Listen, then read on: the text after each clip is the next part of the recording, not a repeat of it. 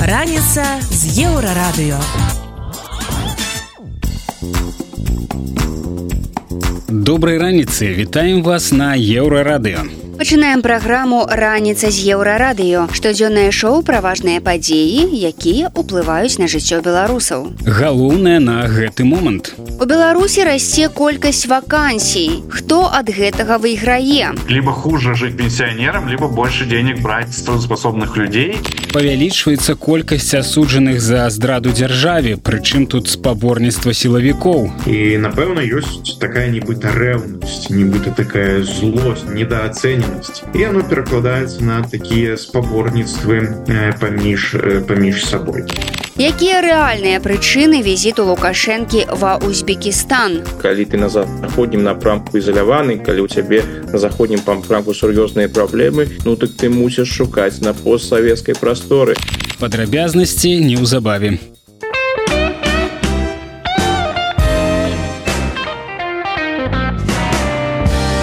Еўрарадыё. Раніца з еўрарадыё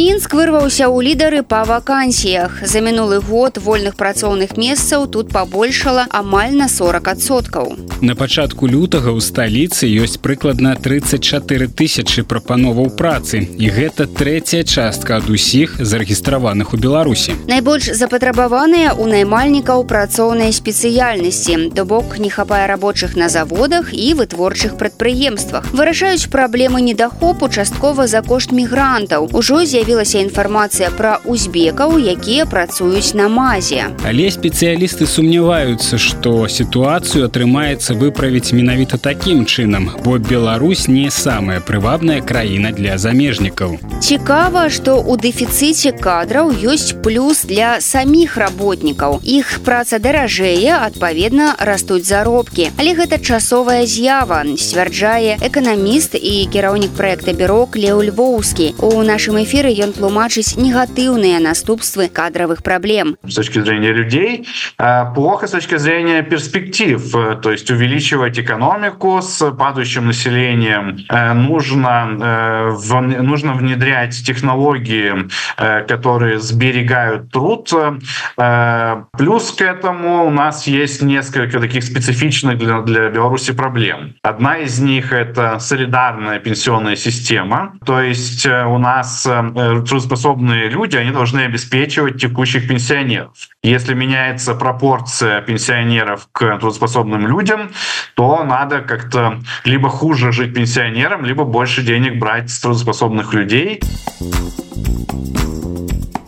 Сітуацыя развіваецца сапраўды катастрафічна толькі праз эміграцыю Беларусь штогод губляе тысячы працаздольных людзей. У той жа час колькасць пенсіянераў натуральным чынам павялічваецца.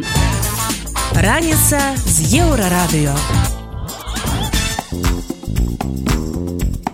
Далей у праграме раніца з еўрарадыё павялічваецца колькасць асуджаных за здраду дзяржаве. Прычым тут спаборніцтва сілавікоў. І напэўна ёсць такая нібыта рэўнасць нібыта такая злость недооцэненасць і оно перакладаецца на такія спаборніцтвы паміж паміж сабой. Якія рэальныя прычыны візіту лукашэнкі ва ўзбекістан калі ты на заходнім напрамку ізаляваны калі ў цябе на заходнім пампрамку сур'ёзныя праблемы ну так ты мусіш шукаць на постсавецкай прасторы гісторы. Працягнем неўзабаве. Раніца з еўрарадыё. Фігурантамі крымінальных спраў аб здрадзе дзяржаве цяпер з'яўляюцца не менш за 55 чалавек. Такія лічбы агучылі праваабаронцы. Гэта асуджаныя ў тым ліку завочна і тыя хто знаходзіцца под вартай. Трэба сказаць што сёння гэты артыкул лукашэнкаўцы ператварылі ў палітычны і судзяць часцей апанентаў рэжыму. Прычым колькасць такіх спраў пачала расці. Калі два гады таму палітвязняў прыцягнутых за здраду дзяржаве было 12 то цяпер іх 30 39 назіральнікі за рэпрэсіўнымі органамі мяркуюць што гэта можна патлумачыць ростам канкурэнцыі паміж сілавікамі. Вось што кажа пра гэтую з'яву спецыяліст по нацыянальнай бяспецы і палітолог александр казак. Адносна хвалі рэпрэсію так безумоўна ёсць такая канкурэнтнасць паміж структурамі. Давайте узгадаем гэта літаральна 4 гады таму было. Усе пужалі один аднаго кДбшнік а потым гэта раптам змянілася і такую рэпрэсіўную і страшную ініцыятыву ініцыятыву страха раптам перахапілі э, базікаўцы і напэўна ёсць такая нібыта рэўнасць нібыта такая злость недооцененасць і оно перакладаецца на такія спаборніцтвы э, паміж э, паміж сабой. Э, ці гэта спыніцца? Э, спыніцца з падзеннем рэжыма лукашэнкі Вось толькі пакутаюць ад гэтых гульняў спецслужбістаў нічым не вінаватыя людзі, якія атрымліваюць проста драконаўскія турэмныя тэрміны. Можна толькі ўспомніць актывіста Паўла Белавуса, якому прысудзілі 18 гадоў капітана ўзброеных сіл Дзяніса Урада, таксама 18 гадоў пазбаўлення волі, або журналістку Кацярыну Андрэеву, якую рэжым адправіў у турму на 8 гадоў. Раніца з еўрарадыё. Далей у праграме раніца з еўрарадыё. Якія рэальныя прычыны візіту Лукашэнкі ва ўзбекістан? Калі ты на заходнім напрамку ізаляваны, калі ў цябе на заходнім пампрамку сур'ёзныя праблемы, ну дык ты мусіш шукаць на постсавецкай прасторы.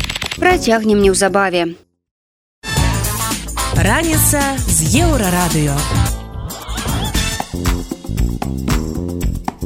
Ужо другі дзень Лукашенко разам з малодшым сынам забаўляецца ў гасцях яшчэ аднаго народнага лідара у сярэдняй Азіі. Праўда, афіцыйна гэта называецца візіт ва Узбекістан на эканамічны форум рэгіёнаў. Пра сапраўдную прычыну паездкі беларускага кіраўніка да свайго сябра прэзідэнта Мірзіёева паразважалі рэдактар еўрарадыю Зміцер Лукашук і гісторык палітычны аглядальнік Александр Фрейдман. А ці ёсць там што цікавага вы там уважліва адсочваеце што дарэчы піша узбекская прэса калі вы здолелі яе пачытаць Ну па шчырасці я асабліва за узбекскай прэсай пакуль пакуль не назіраў і думаю што асабліва нічога цікавага там насамрэч не будзе. Гэта такі звычайны працоўны візіт. Лукашенко пашырае пашырае эканамічнае супрацоўніцтва відавочна ён шукае новыя магчымасці для беларускай эканомікі калі ты на заходнім напрамку ізаляваны калі ў цябе на заходнім пампрамку сур'ёзныя праблемы ну так ты мусіш шукаць на постсавецкай прасторы.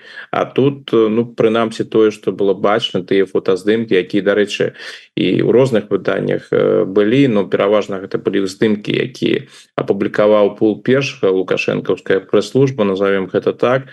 Но там від відавочна такія добрыя стасункі у яго з прэзідэнтам мерзіёевым склаліся і напэўна праз гэтыя стасункі ён жадае пашыраць супрацоўніцтва.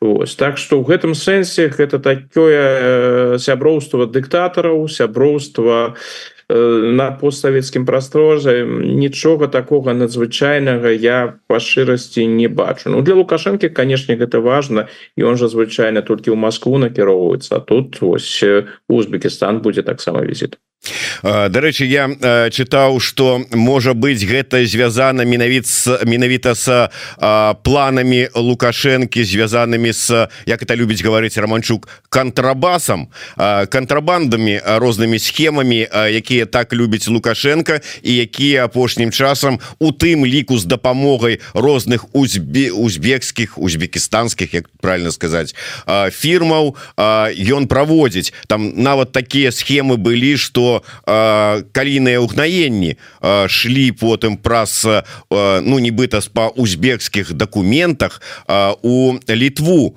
але было відавочна что гэта менавіта беларускія угнаенні. І гэта Мачыма па-першае не першы не адзіны прыклад по-другое тоталітарная краіна і там нейкія дзеянні як і ў Беларусі такога маштаба без дазволу крышавання уладаў немагчымыя. Можа это асноўная мэта Ну я б не выключаў это канешне это эканамічны чыннік абыход санкцыю і тут трэба трэба сказаць что вось ты публікацыі якія раз пораз на захадзе з'яўляюцца яны показваюць что і не толькі на захадзе розныя расследаванні які ў беларускім кантэксце з'яўляюцца яны показваюць что лукашэнкаўскі бок у гэтым сэнсе вельмі спрытны у шэрагу накірункаў ім здаецца у іх атрымліваецца абыходзіць санкцыі Ну я шмат разоў чу калі Казахстан узгадываўся ў гэтым кантэксце розныя казахскія фірмы з Казахстану Ну і Узбекістан чаму чаму не. Супраць Узбекістана таких сур'ёзных санкцыяў дадзены момант няма калі не памыляюсь увогуле з іх знялі усе санкцыі якія якія былі чаму ж гэта не не выкарыстаць тым больш что гэта магчымасць для абодвух бакоў лукашэнкаўскі бок жадае на гэтым зарабіць Ну а что тычыцца гэтых дыктатураў у цэнтральных цэнтральнай Азіі. Яны заўсёды калі такі ідуць шэрыя схемы і ёсць магчымасць нешта атрымаць чаму ж уласна кажучы не не атрымаць. Цікавы момант напэўна на які я так зачапіўся праглядаючы гэтую стужку навінаў з лукашэнкам Узбекістане. Ну ён падкрэслівае свае прыязныя стаўленне да прэзідэнта мерзіёева. Ва Узбекістане такога сапраўднага трансферу у улады не адбылося. Прэзідэнт карымаў памёр і тое что мы зараз назіраем Ну шмат чаго там робіцца у дачыненні да спадчыны карымаўскай яе просто адкідаюць і ўсё ідзе шмат што ідзе ў іншым у іншым э, накірунку. І эканамічна і палітычна і ідэалагічна. У лукашэнкі былі досыць нармальныя наколькі я памятаю адносіны з карымавым і ён і туды ездзіў і не крытыкаваў ён звычайна карымава. А тут вось раптам не не не прама але ускосна что вось там шмат чаго прыходзіцца рабіць ва Узбекістане. Час быў які у іх быў ён быў упушчаны. Гэта такі-то ну відавочны намёк на тое что у карымаўскія часы было ўсё ну зусім не так добра і былі і былі праблемы то бок это такая крытыка карымава на можа якая спадабаецца тому что пазада падабаецца сённяшнім узбекскім уладам але ўсё ж таки она такая больш нетыповая для лукашэнкі для яго ж усё ж таки гэта уяўленне что лада яна як бы ад Бога і что нельга крытыкаваць там нейкіх уладароў тым больш на постсавецкай прасторы з кім ён там працаваў шмат гадоў і сябраваў нават шмат гадоў. Ну вось як мы бачым тут лукашенко пэўную гнуткасць праявіў і сказаў тое что узбекскому боку напэўна спа але ось цікавая тады атрымліваецца паралель вот вы узгадали не так пайшло як можа быть планаваў карыма ва Узбекістане при мерзіёеве не так пайшло у Казахстане як планаваў Назарбаяў і вот зараз лукашенко свае там планы будуе там фармуе нейкі ўсе беларускі народны сход указам сваім перапісвае ці прапісвае якія паўнамоцтвы якое месца у кадравым е рэестры і у іерархіі будзе старшыня гэтага сходу займаць дапаможа Я б нават працягнуў гэты спіс які вы пачалі. Зусім не так усё пашло при у туркменістане про берды мухамедове. Ну хотя тут такі тут ўсё ж таки это іншы выпадак і Узбекістан іншы выпадак бо карымаў памёр у Узбекістане не язаў памёр у туркменістане яны не пакінули людзей якія так павінны былі занять. Ну у Узбекістане у туркменістане відавочна не потом не зусім непразрыстая гісторыя і там не язаў памёр раптоўна відаць что тычыцца Узбекістана то там яна такая больш сумнеўная гісторыя там пра апошнія дні калі ён увогуле карымаў памёр не шмат што вядома. Ці быў сапраўды мерзіёя вызначаны ў якасці наступніка. Ну гэта такое пытанне. Ну і конечно мы можем узгадаць гісторыю з барысам ельцыным і владимиром путиным. Так ельцын атрымаў гаранты і з у сям'і ельцына у шырокім сэнсе гэтага слова да сённяшняга дня ўсё нормально назовем гэта так. А калі мы ж усё ж таки паглядзім на палітычны курс якім сёння ідзе расійская федерацыя все что адбываецца ў Росіі апошнія гады Ну гэта не той курс якога відавочна жадаў бы Барыс Ельцын Так вось калі мы паглядзім на постсавецкую прастору Ну тыя выпадки калі сапраўды атрымалася ці бой удала атрымаўся гэты транзит улады гэта ты толькі тыя выпадки калі ўлада перадавалася ад отца ад бацькі ад бацькі да сына. Там сапраўды ёсць пераемнасць. Ёсць пераемнасць у сённяшнім у сённяшнім туркменістане калі берды мухамедаў малодшы працягвае ў пэўным сэнсе курс свайго бацькі берды мухамедага старэйшага. Ну і відавочна гэта самы паспяховы выпадак.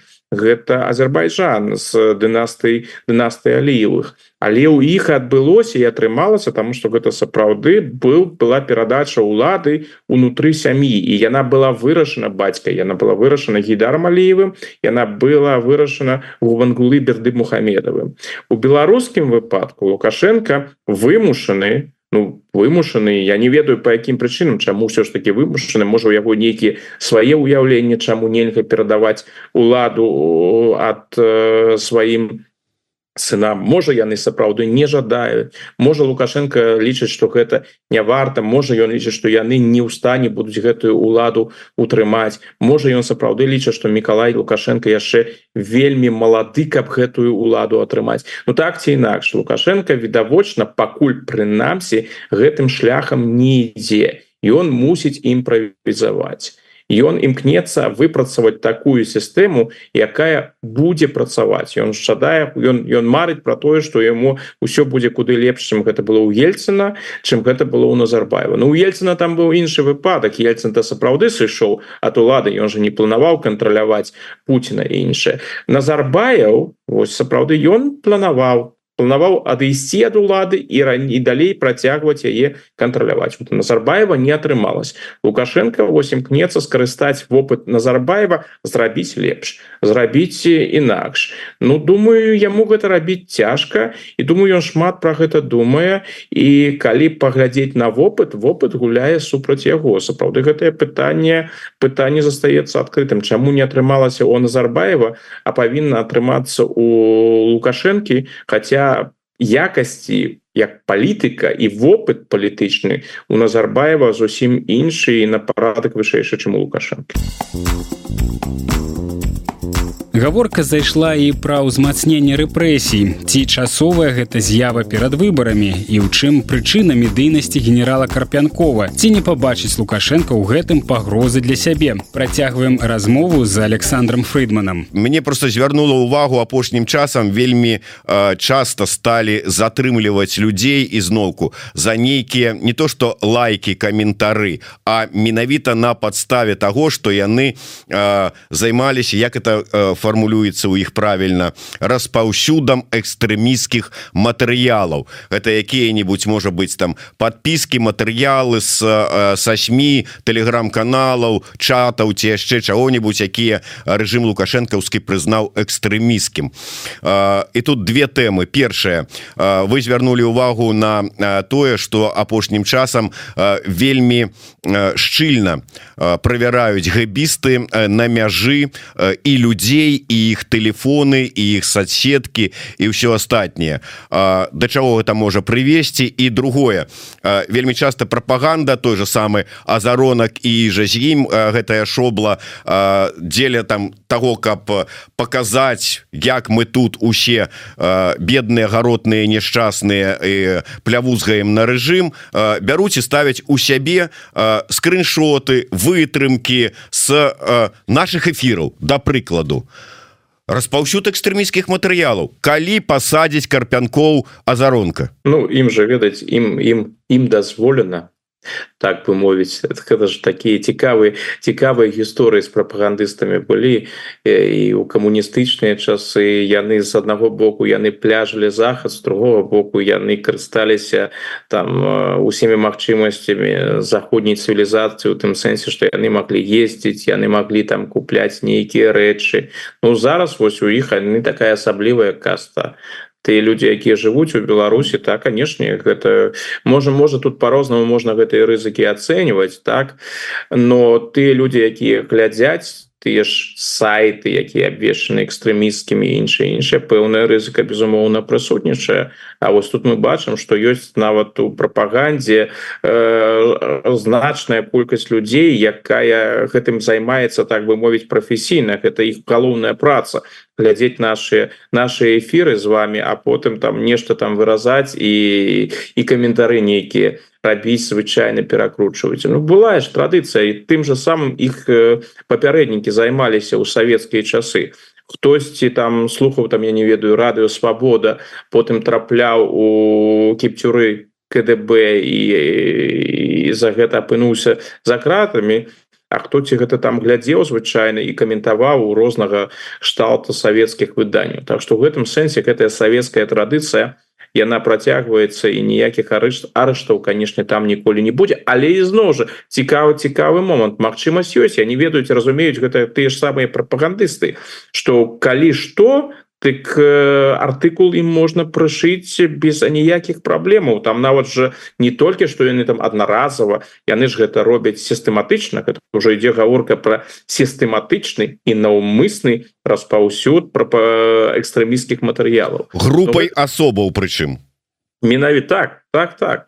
Вось. А что тычыцца мяжы я з вялікай цікавасцю прачытаў гэтыя матэрыялы. Ну что значится з цікавасцю? Тут нічога добрага там про гэта няма. Тое что людзей затрымліваюць на мяжы і адбываюцца такія рэчы якія ну, з еўрапейскай перспектывы яны выглядаюць увогуле жахліва калі людзей там прымушаюць аддаваць телефон калі там сядзіць нейкі супрацоўнік камітэта дзяржаўнай бяспекі і по праглядае асабістыя фотаздымкі якія ў гэтых людзей у тэлефонах прысутнічаюць. Да яшчэ і патрабуе нейкія паролі займаецца каменціраваннем пры гэта ўжо все там же няма ніякіх законных подставаў там же няма нейкіх ордераў якія выдаюцца. Так что гэта гэта выглядае як такое абсалютнае дзікунства якое у 21 стагоддзі уявіць было цяжка. Ну як мы бачым гэта стала стала стала рэчаіснасць сутнасцю но гэты момант яшчэ цікавы но для мяне з такого даследчацкага пункту гледжання цікавы тому что я у сваёй прафесійнай дзейнасці шмат займаўся і займаюся часткова да сённяшняга дня вывучэннем дзейнасці спецслужбаў на пост на савецкай прадсавецкіх савецкіх камуністычных не постсавецкіх савецкіх.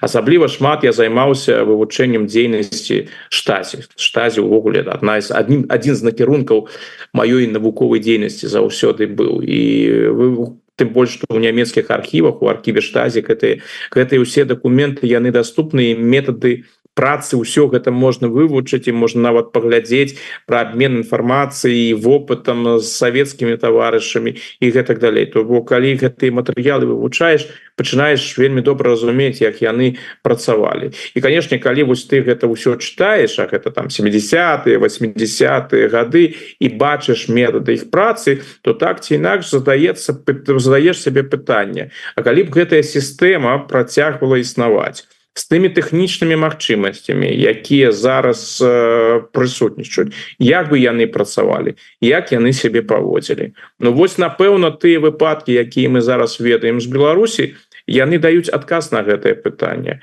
бо гэты дух савецкіх спецслужб спецслужбаў дух савецкай дзяржбяспекі дух камуністычнай дзяржбяспекі.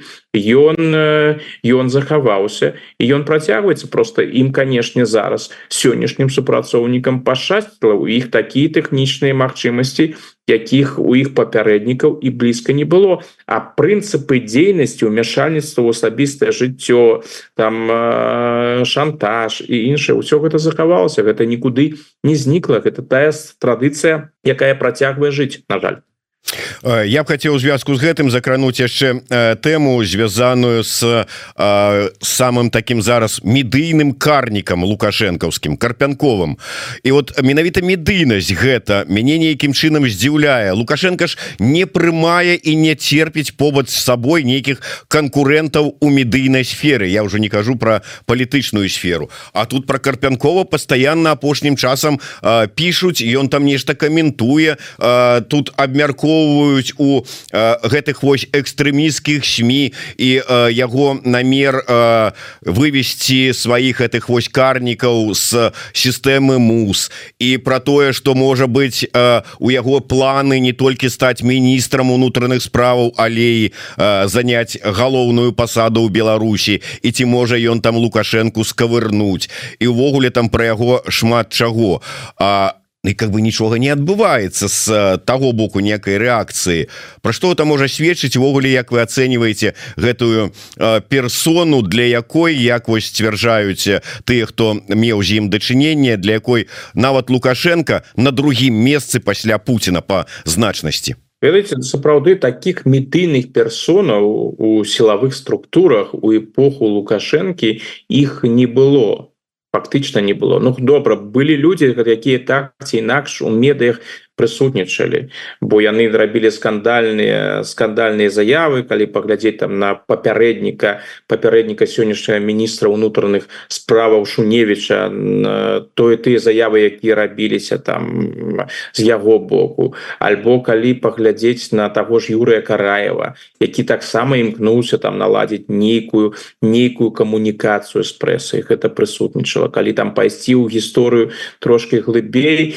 но быў выпадак з міністрам унутраных справам юрыем захарынкам а захарынка конечно стаў медыйнай персонай калі ён сышоў з сістэмы і стаў адным з лідараў дэмакратычнага руху у 90 у другой палове 90-х і напэўна такой сур'ёзнай небяспекай для лукашэнкі. Менавіта таму і з лёс сахаранкі склаўся так жахліва як ён ён склаўся. Але ізноў жа калі паглядзець на традыцыю ну звычайна сілавікоў публічных сілавікоў Беларусі ну ну не бывае. Яны так бы мовіць знаюць сваё ведаюць сваё месца і не выходзяць на на першыя ролі. Карпянкоў гэта сапраўды робіць. Пры гэтым карпянкоў ён нават не міністр. Ну яшчэ прынамсі не міністр. І тое что медыйны апарат прапагандысцкі апарат на яго працуе тое что ён там праходзіць у розных перадачах і тут з'яўляюцца там нейкія яго выказванні гэта сведчыць про тое что гэта прынамсі у зверху дазволена что там не ідзе нейкіх загадаў ну хопіць. Тут вельмі шмат карпянкова стало не карпянкоў ён працягвае прысутнічаць гэта ўжо такі ну сур'ёзны перыяд. Ён вось так.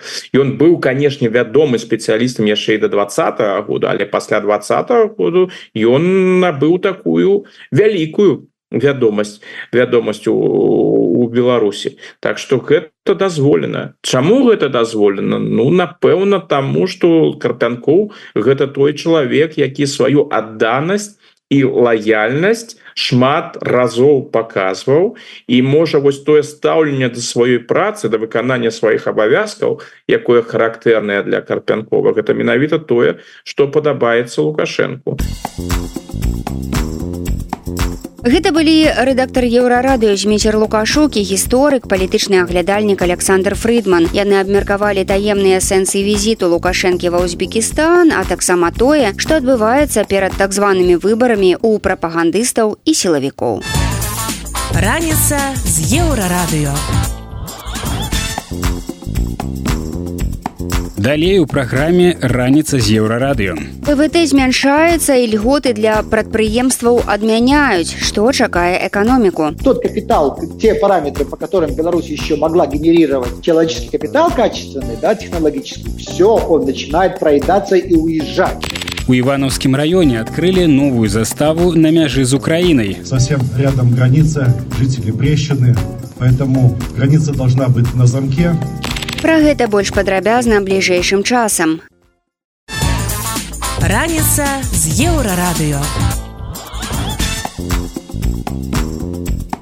І ў працяг тэмы Узбекістана. Мясцовы IT-парк у 23 годзе па колькасці рэзідэнтаў абагнаў беларускі ПВТ, пры тым, што існуе узбекскі кластер толькі з 2019 года, а беларуская сіліконавая даліна хутка адзначыць 20годдзе. Тое, што беларускія ўлады вось ужо чатыры гады разбураюць самую прагрэсіўную сферу эканомікі, не сакрэт. А тут надоечы прэм'ер Галоўчынка выступіў з ініцыятывай скараціць колькасць тых, хто атрымлівае падатковыя ільготы. Пакуль незразумела, ці закрануць гэтыя змены айцішнікаў, эканаміст Ярослав Романчук у эфіры проекта обычное утро выказаў меркаванне, што ў Беларусі айці далёка не самы важны спажывец льготаў. Па словах эксперта ўжо даўно існуе цэлая сістэма сапраўдных дармай сапраўдных дармаедаў. Мэты былі прыстойныя развіваць розныя сферы. Але скончылася ўсё прадказальна, гаворыць эканаміст. Вы раздаете, направо-налево льготы.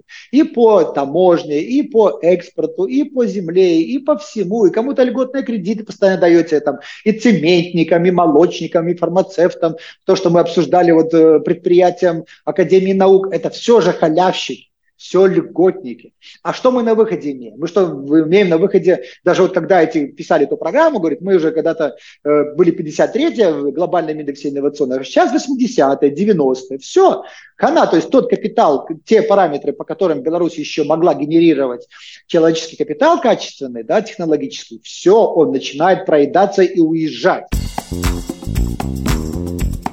Дзякуючы мудрай палітыцы лукашэнкі цяпер спецыялісты якіх гадавала Беларусь развіваюць чужыя эканомікі. І робяць айці краінай далёкі і сяброўскі. Узбекістан. Раніца з еўрарадыё. Далей у праграме раніца з еўрарадыё у ивановскім раёне адкрылі новую заставу на мяжы з украінай. Совсем рядом граница жители брещины Поэтому граница должна быть на замке. Падрабязнасці неўзабаве. Раніца з еўрарадыё. 8 лютага у іванаўскім раёне на памежнай заставе махро вельмі ўрачыста адкрылі комплекс новых будынкаў і памяшканняў. У асноўным гэта бытавыя пакоі пакой адпачынку для памежнікаў ды супрацоўнікаў заставы але абнавілі і сродкі назірання ды бяспекі. Улады працягваюць рабіць захады па ўмацаванні беларуска-украінскай мяжы і надаюць гэтаму вялікае значэнне. Таму на адкрыццё прыехалі высокапастаўленыя госці. Ад кіраўніка брэскай вобласці да старшыні дзяржпагранкамітэта. Вось як, напрыклад, віншаваў памежнікаў з новай заставай старшыня аблвыканкама. Условия. Ваши задачи ставит вам командир, глава государства, совсем рядом граница, жители Брещины, поэтому граница должна быть на замке. Вы должны всегда возвращаться домой живыми, невредимыми и дальше выходить на службу для того, чтобы наша Родина была свободной. Я вас поздравляю с открытием. Але памежнікамі справа не абмежавалася. На свята жыцця у махры завітаў і цэлы дэсант праваслаўных святароў на чале з метрапалітам мінскім і слуцкім веніамінам. Ён не толькі асвяціў будынкі, але і выступіў з прамовай, у якой чамусьці ўзгадаў ваяру з рускай гісторыі. Яна воина, святого великомученика победоносца Георгия, святого благоверного князя Александра Невского, святого великомученика Дмитрия. Напрыканцы кіраўнік БПЦ узмацніў абароназдольнасць беларускіх вайскоўцаў, падарыўшы ім ікону Яна воіна.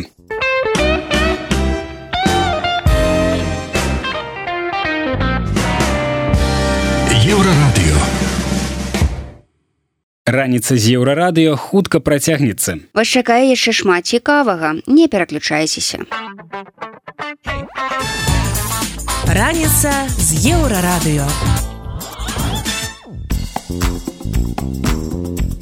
вяртаемся на еўрарадыё і працягваем ранішні эфір. Вы по-ранейшаму слухаце раніцу з еўрарадыё. Інфармацыйнае шоу пра важныя падзеі якімі жывуць беларусы і іншы свет. І вось што цікавага мы распавядзем далей. Ці цікавіць еўрапейскіх палітыкаў беларускія праблемы? Мы маем усе падставы казаць пра вяртанне беларусі ў страсбург як китайцы завоевали аўтарынки беларуси и россии? Такие замечательные теперь уже российские названия как черри хавал джили шангон эксид омода парады эксперткі што эмігрантам рабіць з нерухомасцю на радзіме такая парада. Страхуйцеся зарання про гэта ды іншае больш падрабязна цягам бліжэйшай гадзіны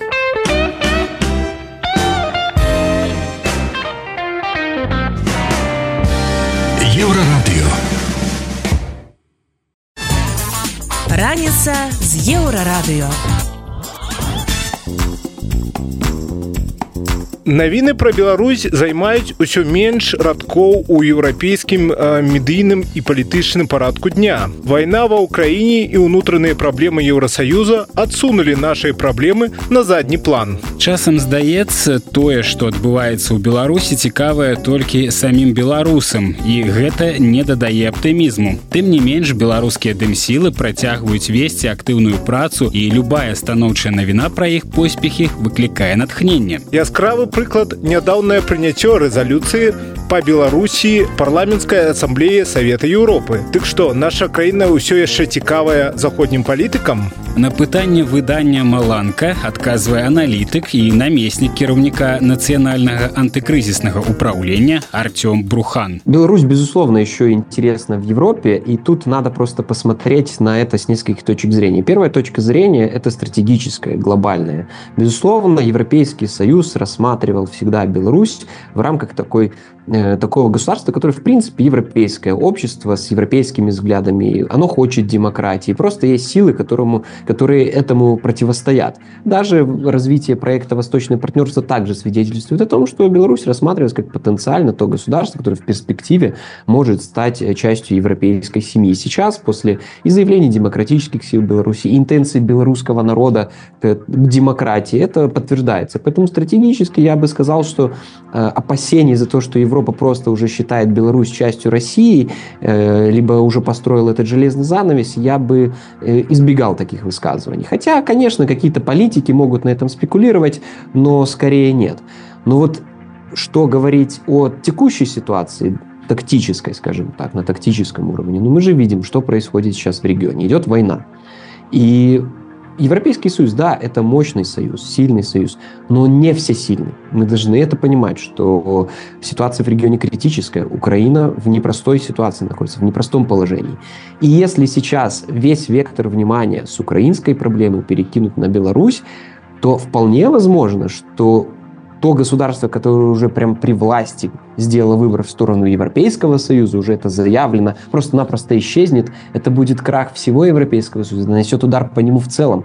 Поэтому вопросы решаются, ну, скажем так, в, по мере их э, важности для Европейского Союза. Вот в том-то и дело. Поэтому говорить о том, что совсем из повестки Беларуси исчезла нельзя, это звучит, ну, конечно, в меньшей мере, потому что в Украине сейчас война. Если Украина не выстоит, не будет ей идти такая военная помощь, которая идет, которая замедляется, это может все привести к трагическим последствиям не только для Украины, но и для Беларуси.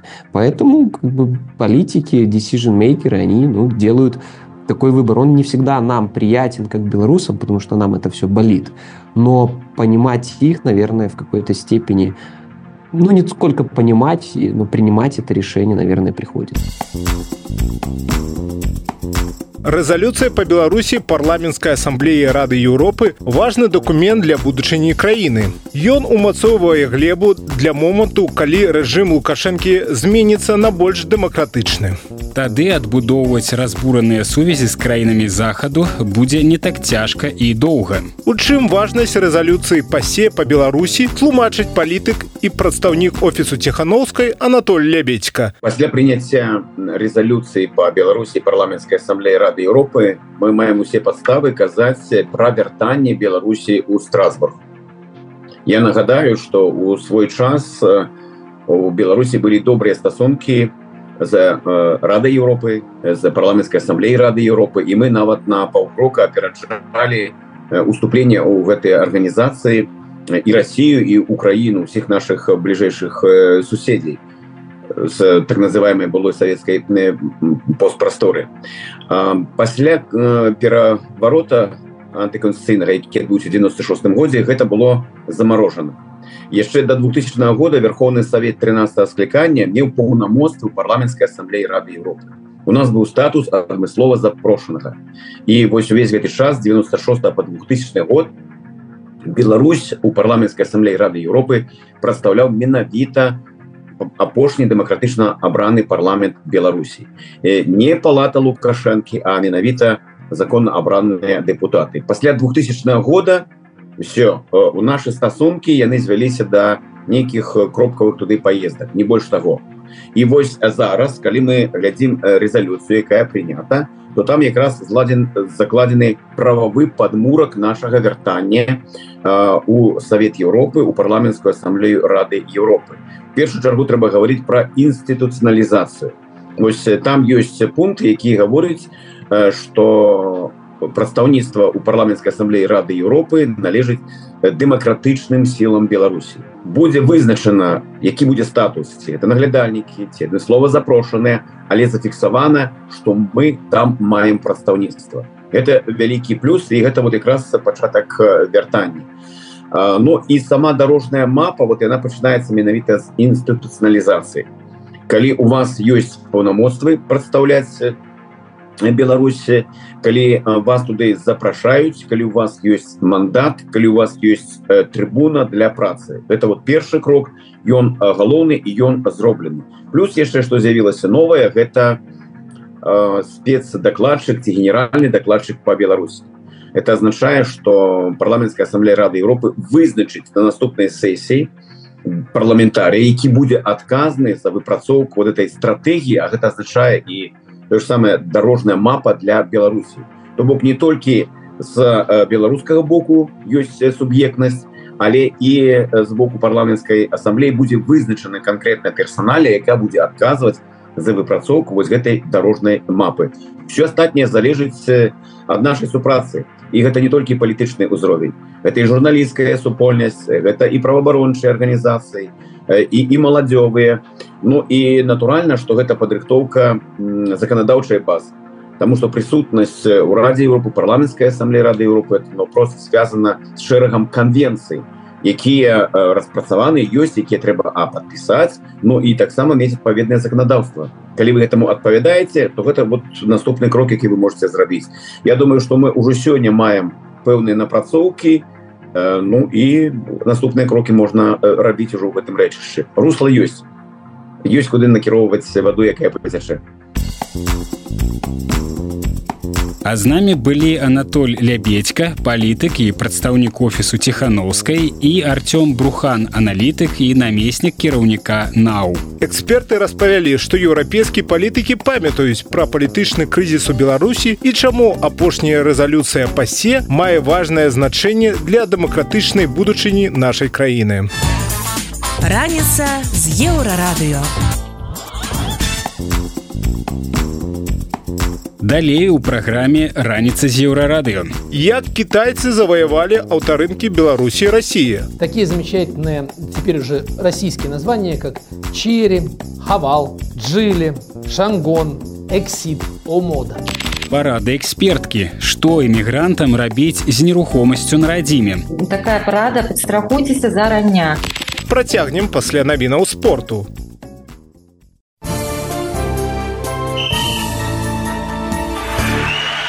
На еўрарадыё навіны спорту.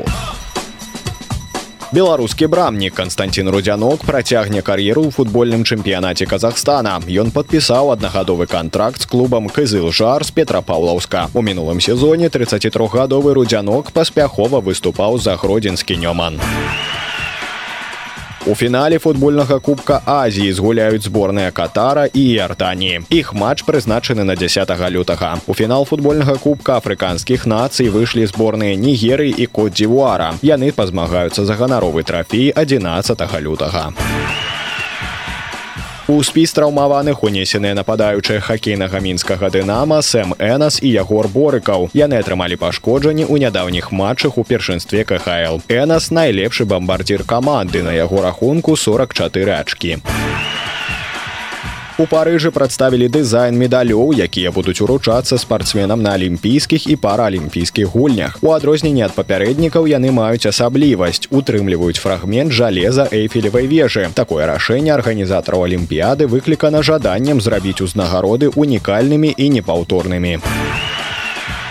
Дзіўную заяву зрабіў кіраўнік беларускай федэрацыі лёгкай атлетыкі былы спартсмен Іван ціхан. Ён лічыць, што беларускім лёгкаатлетам лепш ехаць на турніры ў рассію, чым на алімпійскія гульні ў парыж. Нібыта на іх там будзе аказвацца моцны псіхалагічны ціск, яны атрымаюць негатыўны вопыт. Пры гэтым беларускія спартсмены неаднаразова выказваліся, што хацелі б паехаць менавіта на алімпіяду, нават у нейтральным статусе. Гэта былі навіны спорту, заставайцеся на еўрарадыё.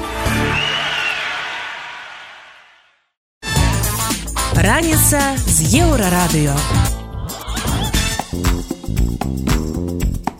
Беларускі аўтарынак працягвае існаваць ва ўмовах крызісу і зачыненых межаў. Так каля 25 тысяч новых аўто купілі летась у нашай краіне. Такую статыстыку агучыла беларуская аўтамабільная асацыяцыя. Паводле яе айчынны аўтарынак працягвае набіраць моц. У асацыяцыі распавялі і пра прычыны пазітыўнай дынамікі. Сярод іх эксперты называюць рост доходаў беларусаў, камфортныя крэдытныя умовы, а таксама наяўнасць на рынку кітайскіх брэндаў. Аднак, калі параўноўваць з замежным аўтарынкам, айчынныя паказчыкі выглядаюць даволі сціпла. Што адбываецца з беларускім і расійскім аўтарынкамі? Як працуе беларуска-кітайскі завод Белджы? Ці захапілі кітайскія аўтабрэнды нашую прастору? Сваім меркаваннем дзеліцца палітык і блогер Александр Кнырович. Конечно, Белджи поставил рекорд, и здесь никаких шуток. Белжи выпустил 68 тысяч автомобилей. Это больше, чем э, его заявленная мощность. Заявленная мощность была на уровне 60 тысяч, а это означает, что завод работал частично еще и в третью смену. Так пер российский рынок. Из 68 тысяч 15 тысяч автомобилей остались в Беларуси, а все остальное уехало э, в Россию. И поэтому это действительно нормальное такое достижение. Только радоваться, конечно, этому должны быть ребята где-то вот около той самой великой китайской стены. Потому что, как вы помните, мы делали по этому поводу специальный выпуск. Никакого белорусского автомобиля, конечно же, не существует. Там локализация на уровне 20%. И пока, собственно говоря, это все достижение китайцев, не белорусов. Не надо верить тому, что пишет государство СМИ, что теперь у нас есть белорусское автомобилестроение. Легковое автомобилестроение стоит несколько миллиардов долларов, которые никто на него, собственно, не делял никогда. Мы просто собираем чужие автомобили.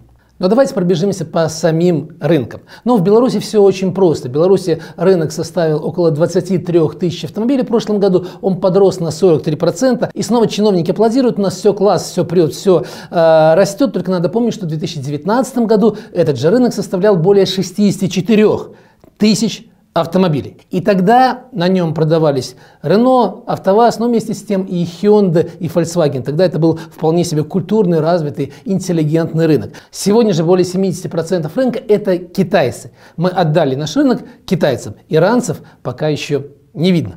Но и самая популярная модель Беларуси ну, тут не трудно. Это э, тот самый Джили Кулрей, который сегодня такие условия по нему для лизинга и кредита, что его может купить, кажется, и человек, который вообще не имеет работы. Вот такой у нас победитель. Официально, формально он стоит более 20 тысяч долларов, поэтому Беларусь в этом смысле выглядит вполне себе респектабельной страной. Но что же происходит в России? В России в прошлом году весь рынок составил 980 тысяч штук, и он, конечно, тоже подрос фактически на 40%. И более того, люди, которые анализируют параллельный э, импорт, говорят о том, что на самом деле рынок составил более 1 миллиона, миллион 060 тысяч штук, что тоже э, должно быть символом благополучия россиян, символом восстановления.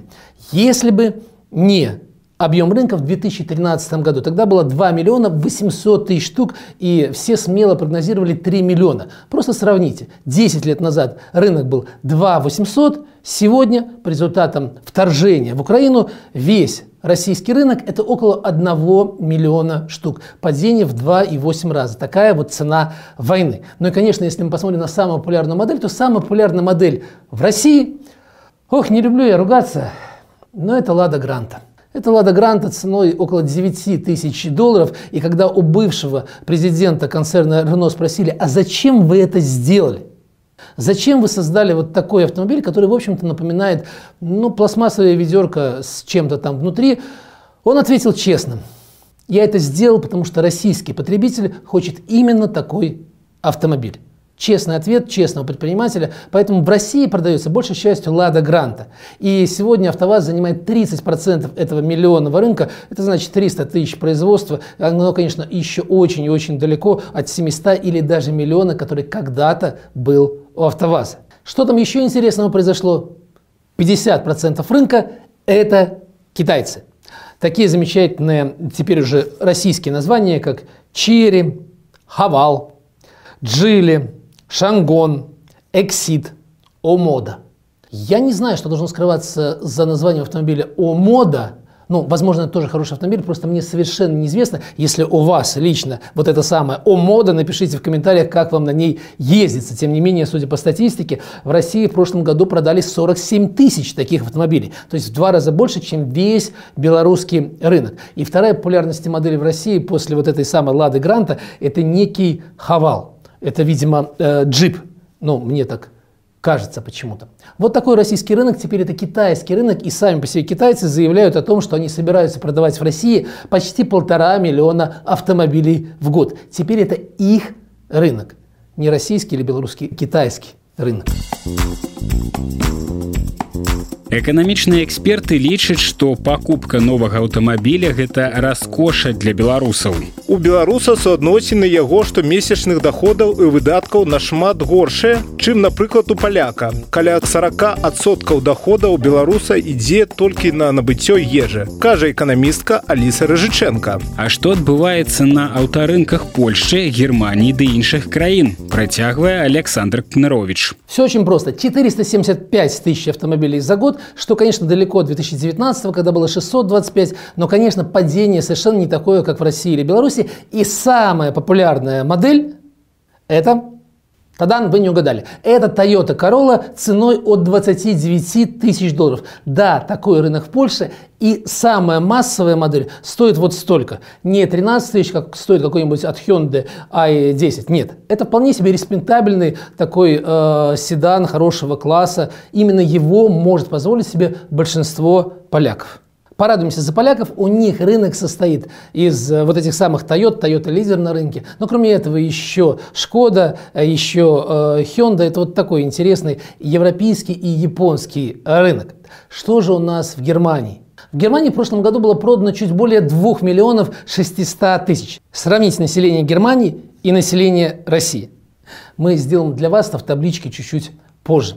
Так вот, 2 миллиона 600 тысяч, максимум когда-то был около 4 миллионов. И самая популярная модель на этом рынке – это тот самый любимый всем постсоветским пространством Volkswagen Гольф. Ну, конечно, естественно, новая вариация, э, новое поколение, и стоит он от 30 тысяч евро, то есть примерно от 32 с чем-то тысяч долларов. Вот такая самая популярная модель в Германии. Volkswagen далеко ушел от своих конкурентов, это самая популярная марка автомобилей там, а потом с большим отрывом идет плотненькой группой Mercedes, BMW, Шкода и Opel. Вот такой очень патриотичный, дорогой рынок. Давайте подведем выводы. Если заглянуть в табличку и посчитать, сколько автомобилей приходится на одну тысячу населения, то сразу видна разница в уровне доходов, в том, как живут люди. В Беларуси и в России это чуть более 300 автомобилей на одну тысячу населения. Польша является европейским лидером, и там более 660 автомобилей на одну тысячу населения. Что интересно, в Германии эта цифра меньше, там 560 с чем-то автомобилей на душу населения. Тем не менее, разница между Россией, Беларусью и Германией с Польшей такая, что именно она и описывает ту пропасть, которая сформировалась вот за эти самые годы независимости. И последняя на сегодня табличка в ней отразил, сколько автомобилей продается на тысячу населения в этих самых разных странах. Вот в Беларуси это два с половиной автомобиля. Но, предположим, есть еще параллельный импорт, и пусть это будет 3. Но в Польше больше 12. Разница как минимум в 4 раза. А если мы посмотрим на цифры немецкие, то разница более чем в 10 раз. То есть более чем в 10 раз больше автомобилей продается на одну тысячу населения в Германии, чем в Беларуси. Задумайтесь, о чем говорят эти цифры с точки зрения доходов граждан. Не просто в разы разница в количестве проданных автомобилей на ту самую тысячу, но разница еще и очень существенна в классе этих самых автомобилей, в их качестве, в том, что предпочитают покупать граждане. Какой бы автомобиль выбрали лично вы? Джили Кулрей, Лада Гранта или Toyota Corolla, или, может быть, все-таки Volkswagen Golf? В нашей стране новый Volkswagen Golf – это какой-то элитный класс, какой-то люкс, согласитесь. При этом в Германии это вполне себе средний автомобиль для среднего немца. Мне почему-то кажется, что вы бы выбрали совсем не э, Coolray и совсем не Ладу Грант. У эфіры быў александр кнырович палітык блогер і прадпрымальнік. Ён распавёў што адбываецца на аўтарынках беларусі рассіі польльшы ды іншых краін. І чаму беларусы ды расіяне цяпер могуць набываць новымі толькі кітайскія аўтамабілі. Раніца з еўрарадыё. Далей у праграме раніца з еўрарадыё. Парады эксперткі, што эмігрантам рабіць з нерухомасцю на радзіме. Такая парада падстрахуйцеся зарання. Працягнем пасля навінаў шоу-бізу. Шоу-біз.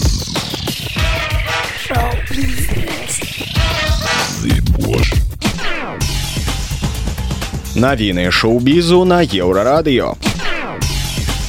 Мірыем Герасіменко ладзіць першы сольны канцэрт пасля паспяховай эвакуацыі з Беларусі. Аб гэтым спявачка распавяла ў сваёй сацецы. Музычны кватэрнік пад назвай той самай песні «Обімі мене», за якую Мірыем атрымала тры гады хатняй хіміі, адбудзецца 16 лютага ў Варшаве. Бярыце сяброў, добры настрой і прыходзьце, збіраем неверагодных людзей разам у гэты вечар. Таму ён абяцае быць вельмі утульным і музычным, напісала спявачка. На фоне складанага перыяду для індустрыі музыкі і забаў працягваюцца звальненні ў медыябізнесе. Чакаецца, што Warner і Universal Music Group звольняць сотні супрацоўнікаў дзеля рэструктурызацыі. Раней Warner звольніла 270 супрацоўнікаў, падкрэсліваючы неабходнасць выжывання. Падчас пандэміі людзі знаходзіліся ў ізаляцыі і многія, хто раней не карыстаўся стрымінгавымі пляцоўкамі, зрабілі гэта. Пандэмія спынілася і рост карыстальнікаў скараціўся. Вядома ж, як і ў свеце тэхналогій музычны музычныя кампаніі, якія рэзка павялічылі штат падчас пандэміі, цяпер вымушаныя скарачаць яго. Кампазітары Нік Кейв і Уоррен Эліс запісалі музычнае суправаджэнне да будучай біяграфічнай стужкі аб Эмі Вайнхаус Back to Black. Ролю Эмі ў фільме выконвае актрыса Марыса Абела. Кейв і Эліс напісалі каля паўгадзіны музыкі, што будзе гучаць разам са знакамітымі песнямі Вайнхаус у выкананні Абелы на працягу фільма. Рэжысёр Сэм Тейлор Джонсон выказаў захапленне працай музыкаў, спасылаючыся на іх глубокае разуменне гісторыі. Творчае партнёрства дуэта налічвае дзесяцігоддзі, у тым ліку ліку супрацоўніцтва над саундтрэкамі да розных кінапрац. Папулярны сучасны беларускамоўны гурт Нюрнберг выдаў свой новы альбом адказ, з якім працавалі ў тым ліку іх сябры з калектыву молчат дама. Аб гэтым распавядае тэлеграм-канал беларуская музыка. Паведамляецца, што гэта натуральны і лагічны працяг дыскаграфіі мінскага гурта, але без сюрпрызаў. У сакавіку Нюрнберг выправяцца ў лацінаамерыканскі тур. Хлопцы выступяць у Калумбіі, Коста-рыка і Мексіцы. Такое падарожжа варта было б падтрымаць новым матэрыялам, якімі стае новая кружэлка. Гэта былі на навіны шоу-бізу заставайцеся на еўрарадыё.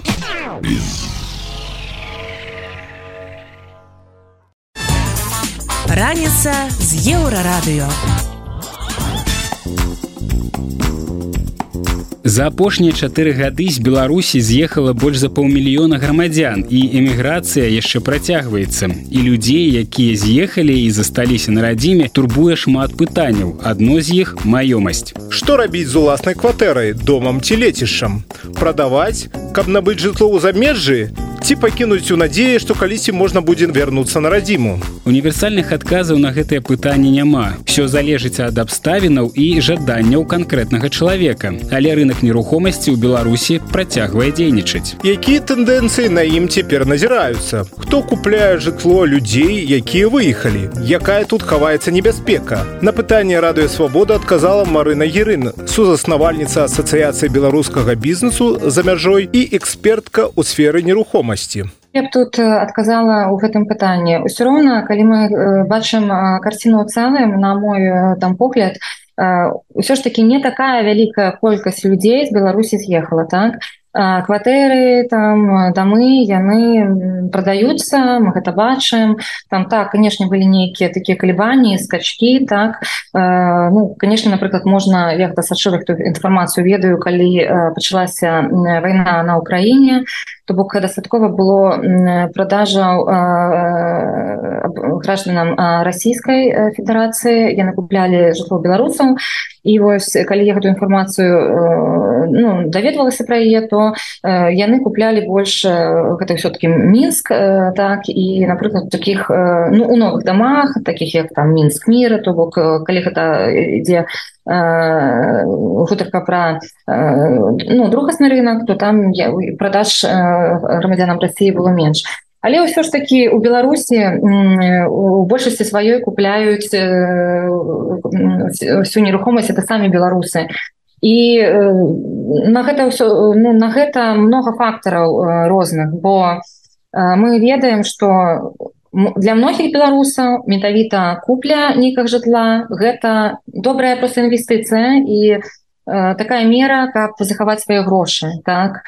Вось. І нягледзячы на ўсе гэта калібанні рынку ўсё роўна беларусы укладваюцца так жыллё бо яны у большасці лічаць што ну няхай мы там неяк там страцім на той там паніжэнне цаны ці там ну, можа не прададзім так як хочацца але ўсё ж таки мы свой нейкі такі капітал які цяжка там зарабілі мы яго захаваем. Я тут яшчэ напэўна хацела б даць такія некалькі парад нашим гледачам каб А ну я ж тут можа яшчэ дадала я просто заўважаю что напрыклад калі цана кватэр там больш-менш там квадратны метр ну, нейкія там перыяды становятся таннейшие трошки поднимается але вось і наколькі я бачу что вось менавіта дамы дамы яны значна у цане упали менавіта ў цане продажи. І якія я тут парады напэўна хотела бы даць так мы ведаем что много людзей з'язджае много людзей укладваецца ўжо ў нерухомасць э, за памежамі там беларусі ну те хто мае грошы яны могуць яшчэ жыць на две краіны але укладвацца напрыклад у той же Польше так.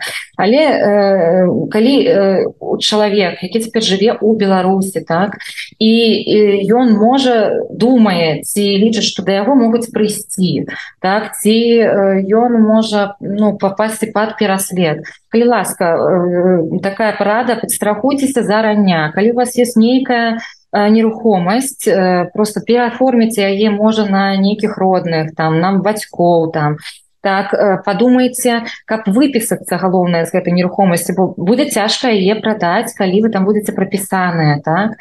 Вось э, ну яшчэ то бок мы бачым что цяпер ёсць розныя пераследы приходзяць і к родным приходят по месту пропіски людзей так? Ёсць такая процедура калі гэта там напрыклад кватэры не ваша вы пропісаны там нейкай у нейкіх сваіх у родных знаёмых вас могуць выпісаць по суду. І калі ласка прапануеце гэта таксама тым людзям якія засталіся ў беларусі так. Гэта адносна нескладаная працэдура так. Яна робіцца дастаткова хутка яна невялікая по коштам. Але у вас не будзе прапіскі і ваших родных можа будуць ну трошки менш там неяк дёргаць А ты хто не паспеў ты людзі да якіх прыйшлі і апячаталі маёмасць так? Это гэта мы не ведаем дакладнай колькасці людзей але гэта могуць быць сотні людзей. А некаторыя кватэры ўжо прададзеныя праз аукцыёны кватэра ціхановскіх так? А, і, і гэты працэс я так разумею толькі набірае абароты які парады як спецыяліст па нерухомасці тут канешне пра заканадаўства цяжка казаць але тым не менш якія парады памаглі даць Ну напэўна можа бы добра што такіх выпадкаў не так много але на жаль што такая сітуацыя ў беларусі існуе. То бо калі цяпер просто нейкі арышт так то ну наколькі я памятаю калі гэта заканадаўства не адмянялася то кватэру ўсё роўна напрыклад можна здаваць і атрымліваць нейкі доход так, гэта можна рабіць Вось ну, цяжка тут у гэтым выпадку даць парады калі ты не паспеў нешта зрабіць. Ну але галоўнае я грошы можна зарабіць так у любой другой краіне. Галоўнае гэта жыццё Вось кватэры гэта ўсё ўсё ж такі гэта матэрыяльнае тое што пытанне нерухомасці вельмі турбуе беларусаў разумее і рэжым і спрабуе выкарыстаць гэтыя веды сабе на карысць так людзей прызнаных сілавікамі тэрарыстамі пазбаўляюць маёмасці яе арыштоўваюць ці нават прадаюць на аукцыёнах апошні выпадак адбыўся з мінскай кватэрай святланы і Сергея ціхановскіх ці існуюць механізмы каб забраную рэжымам маёмасць вярнуць ва ўласнасць пасля змены ўлады працягвае мары на герын ну глядзіце канешне то бок каля одна рэч калі кватэра там ну як бы продана то бок на сённяшні момант по заканадаўству цягам 10 гадоў. Мне здаецца нічога не памянялася. Мы можем тыя ж там нейкія сделки з нерухомасцю аспариваць так 10 гадоў. То бок калі там пройдзе нейкі пэўны другі час ну я так разумею что так мы можем можа нейкія нават кампенсацыі. Не, не ведаю як сама кватэра разумееце калі пройдзе такі вялікі доўгі час и там прыжывець много людзей так захочется можа там самой же там святлане так вярнуцца туды ці гэта будзе просто просто памятек наведаць да але можа нейкія такія кампенсацыі за якую там суму была прададзена тая кварціра ў пэўны момант то я думаю гэта можна разглядаць і гэта павінна быць А Марына вы гаварылі пра тое, што людзі ўкладаюць грошы ў нерухомасць за мяжой. Ну, у СМі незалежных СМі больш гісторыі людзей, якія вымушаны былі бяжаць палітвязняў з адной валіскай праз... і, і, і людзі ў вельмі складанай фінансавай сітуацыі, менш публічныя гісторыі людзей, якія ну, вот мэта накіравана з'язджалі з Беларусі, перавозілі сродкі багатых людзей, якія рэласыравалі бізнес. А які маштаб вот, такіх угодаў з нерухомасцю, якія робяць беларусы за мяжой. Ясна, што это складана вырашыць але ты не менш нейкія назіранні у вас ёсць бо ну шмат беларусаў са сродкамі якія вывели сродкі з'ехалі вы ведаеце у мяне не так давно была размова с адным фінансавым кансультантам які дарэчы у нас і на формах выступаў трошки раней Вось і мне я сама гэта пытанне якраз таки задала яму якая колькасць ну маштаб людзей якія не ну калі мы говорим про Польшу не палякі купляюць нерухомасць он говорит дастаткова высокі то бок надта много конечно украінцаў дастаткова багатых людзей приехала ў Польшу але беларусаў таксама хапае. Про процент мне ўсё ж таки складана сказаць я напэўна я думаю что можа нават і ты ж там польскі кансультанты гэтага процента не ведаюць Але я думаю что менавіта по гэтаму вось цяпер рост жытла у Польше расце расце з кожным годам. Гэта таксама купля не грамадзянамі Польши гэтага жытла якраз таки таксама спрыяе на яе рост. Так можна казаць что дзякуючы украінцам і беларусам растут цены на нерухомасць у Польшчы ну, ну палякі да можа палякі нам не удзячны за гэта да. Думаю что так Мы слухали Марыну Герын, сузаснавальніцу асацыяцыі беларускага бізнесу за мяжой і экспертку сферы нерухомасці. Герын распавяла, што цяпер адбываецца на рынку нерухомасці Беларусі і дала парады, што рабіць з маёмасцю, якая ў беларусаў яшчэ засталася на радзіме.